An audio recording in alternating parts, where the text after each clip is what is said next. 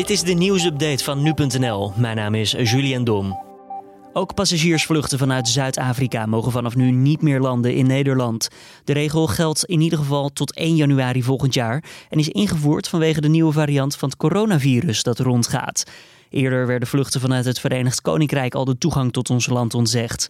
Nederlanders die vastzitten door de maatregelen hoeven niet te rekenen op repatriëring, al dus minister Hugo de Jonge. We kunnen gewoon niet gaan repatriëren. Daar kunnen we echt niet aan gaan beginnen. Nee, maar voor die In mensen. coronatijd is reizen gewoon een risico. Dat moeten de mensen echt heel goed snappen. Oftewel eigen risico, al dus de minister bij het programma Op 1. Het coronavaccin van Pfizer is naar alle waarschijnlijkheid ook werkzaam tegen deze nieuwe variant van het coronavirus. Een topman van de farmaceut zegt dat er over twee weken duidelijkheid is. Gisteren spraken we in de Dit Wordt Het Nieuws podcast al met Erik Snijder. Hij is hoogleraar moleculaire virologie bij het LUMC. En ook hij beaamde dat het aannemelijk is dat het vaccin werkzaam is tegen deze variant en mogelijk ook tegen toekomstige varianten. Maar omdat er meerdere plekken zijn waar die antilichamen zich op richten, is het heel onwaarschijnlijk dat met een paar mutaties die hele immuniteit opeens niets meer waard zou zijn. En dat is ook de inschatting nu. Uh, dat het, het vaccin wat er nu is gewoon uh, zal werken en ook tegen deze variant uh, zal beschermen.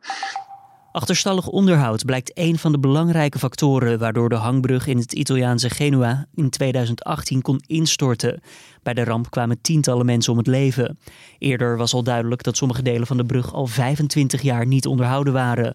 Technisch adviseurs noemen het dan ook verrassend hoe weinig inspecties er waren bij twee pilaren waarop de brug gebouwd was. Aankomend president Joe Biden heeft zich gisteren tijdens een live-uitzending op televisie laten vaccineren tegen het coronavirus. Biden kreeg het vaccin in een ziekenhuis in de buurt van zijn woonplaats Delaware.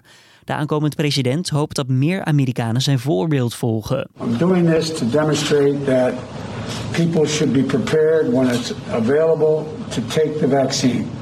There's nothing to worry about. I'm looking forward to the second shot. So is Jill. She's had her shot earlier today. Zoals de toekomstige president zegt, wacht hij nu samen met zijn vrouw op de tweede prik die op een later moment wordt toegediend. Op Curaçao worden de coronamaatregelen verlengd tot 11 januari. Daarover schrijft de Telegraaf. Daardoor is er ook een avondklok actief tijdens kerst en tijdens oud en nieuw. Die avondklok gaat in vanaf 9 uur 's avonds. Ook is er sprake van een alcoholverbod. Drie weken geleden werden er al strengere regels afgekondigd vanwege een flink aantal nieuwe coronabesmettingen. Inmiddels is er wel weer sprake van een daling van het aantal besmettingen. Gemeenten zullen strenger handhaven op winkels die bijzonder creatief omgaan met de coronaregels. Dat zegt minister Vert Grapperhaus van Justitie en Veiligheid en daarover schrijft het AD. Volgens de minister vinden sommige winkels het lastig om zich aan de bestaande regels te houden.